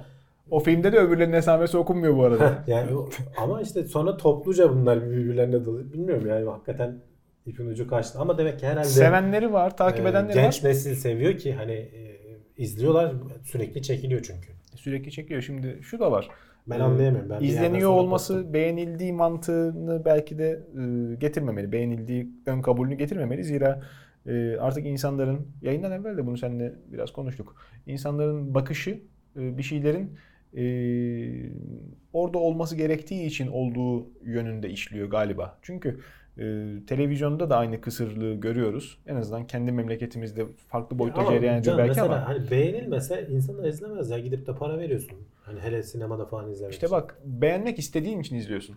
Bu Cem Yılmaz'ın esprisi işte. Bunu ben desem Hı. söversiniz. Ha, söyle, gülmezdiniz beni e, lime lime ederdiniz ama adam deyince bak daha gülmeye gidiyorsun oraya. Hı. Tamam söylediği şeyler komik, güzel de anlatıyor ama sen zaten oraya gülmeye gidiyorsun. Yargılamıyorsun. Televizyonu açan insanlar bir ses olsun tırnak içinde evin içinde veya izlemiş olmak için izliyorlar. E, gündem de orada dön şimdi. Sen televizyona kimi koyarsan yeteneksiz de olsa işte şey de olsa vasat Canım bir adam da olsa Bir yerden sonra tanıdık sima. Onu orada görmek adamın hoşuna gidiyor. Hı. Yeniliği keşfetmek isteyen internete yöneliyor. YouTube'da geziyor işte diğer internet kanallarında arama yapıyor. Yeni bir şey aramak isteyen yönelim bu. Sinemada da şimdi sinemada yayınlanan film e, sinema nedir? İnsanların buluştuğu mekandır. Yani bir randevu mekanıdır sonuçta. E, iki insan artık her şey e, alışveriş oldu. Her şeyin alışveriş olduğu dünya. Tiyatro gösterileri de pek az. Her yerde yapılamıyor. Ama sinema her yerde var neredeyse. Ee, insanlar sinemada buluşur, sinema için sözleşir. Yeni tanışan insanlar birlikte sinemaya gider, üzerinde sohbet döner. Ee, futbol maçı gibi vasat lig olmasına rağmen izliyorlar işte herkes. böyle. Beş para etmez maç, biliyorsun. Oynayan da biliyor. Diyor ki hani ben zaten işte çok iyi ıı, top oynuyor ama koşmuyor diyen bir zamanın futbolcusu demiş ya. Koşsaydım zaten şeyde oynardım şimdi. Doğru. Evet, o da biliyor yani. İzleyen de biliyor. Sergen miydi o? Kim? Sergen de Sergen. O da biliyor. Para veren de biliyor. Ama işte böyle vasat bir kurum dönüyor kendi içinde. İşte Avrupa Kupası'na belki günün birinde işte gider de ikinci tura çıkarsak seviniyoruz. Adres belli yani kimse inanmıyor. Hasbel kadar bir tane işte kupa alınırsa e, o 25 sene konuşuluyor devamında. Bir sonraki Devamı kadar. gelmiyor çünkü. Evet. Devamı gelmediği için. Dolayısıyla yani havanda su dövmek. Bu da buna benziyor belki. Yani evet yapılan bir sürü süper kahraman filmi var. Belki yapanlar da biliyor hiçbirinin bir şeye benzemediğini. Ama insanlar sinemada o oynadığı için onları izliyorlar. Sinemada başka film oynatsalar, sinemada e, başka gösterim olsa zannedersem yönelim değişir. Yani seçme şansı olmadığı için insanlar buna gidiyor diye düşünüyorum ben. Bilmiyorum onu şeye uzmanına bırakmak lazım. Ben o kadar hani E, tabii canım. çünkü seçme şansı hiç yok diye olduğunu düşünmüyorum artık. Çünkü bayağı alternatif şeyler var. Popüler, deneysel olmaması lazım. Yani reklamın neyin reklamı yapılıyorsa ona gidiyor insanlar. Bütçe. Bugünlerde de zaten e, bizim de farklı bir şekilde içinde yer aldığımız, bizim şahsen değil de bizim memleketimizdeki e, sinema emekçilerinin ve Hı. işte işletmecilerin karşı karşıya geldiği bir tartışmada söz konusuydu. Bakalım. E, ilerleyen dönemde daha çok süper kahraman filmi görürüz yani. Çünkü Tabii tabii yok. Şu an kesilecek gibi görünmüyor. evet daha da yeni Devamı geliyor. yeni evrenler savaşı işte bugüne kadar olmamış. Ya gitgide çapta büyüdükçe galaksinin neye benzediğine yönelik araştırma belki de o yüzden işe yarayacak. Artık galaksiler savaşacağı için onları da göstermek gerekebilir. Ya Zaten orada hayal gücüne kalmışsın canım. İstediğin gibi uydur. Kimse bir şey demiyor. Ha işte en sonunda dönüyoruz tekrar He-Man'e. İşte ba- bakıyorsun bütün dünyalar, evrenler e, Happy Top'u 20 kişi savaşıyor. Kimse yok başka. Hep de bir tane kötü var. Ha, bir tane kötü var. Kötünün amacı ne? Her, her şeyi ele geçirmek. Peki al senin olsun. Ne yapacak? Ne, ne değil. ne değil. o yüzden yani işte bilmiyorum. Ee, bilim ve teknoloji notlarının içine kadar sızıyor. Zira hayatımızı işte önemli bir kısmını bunlar işgal ediyorlar. Kıymetli şeyler araştırmaya vaktimiz kalmıyor azizim. Değil mi? Şimdilik bu hafta e, burada noktalamış olalım. E, notlarımızın sonuna geldik. Olur da e, sürçülisan ettikse şimdiden biz e, affımızı dileyelim. Lakin e, işaret ederseniz yorumlar için teknoseyir.com internet adresimizi e, öneriyoruz. E, Plus abonesi olanlar bizi salı akşamı izliyorlardı. Hı hı. Normalde çarşamba akşamı izleniyor. Bir gün evvelden girip orada da e, sorularınızı yanıtlayabiliriz. E, devamında da sosyal medya e, kurumlarında yine yer buluyoruz. Teknoseyir ismiyle. Bizi takip ederseniz gelişmelerden haberdar olursunuz. Şimdiden iyi seyirler. Hoşçakalın.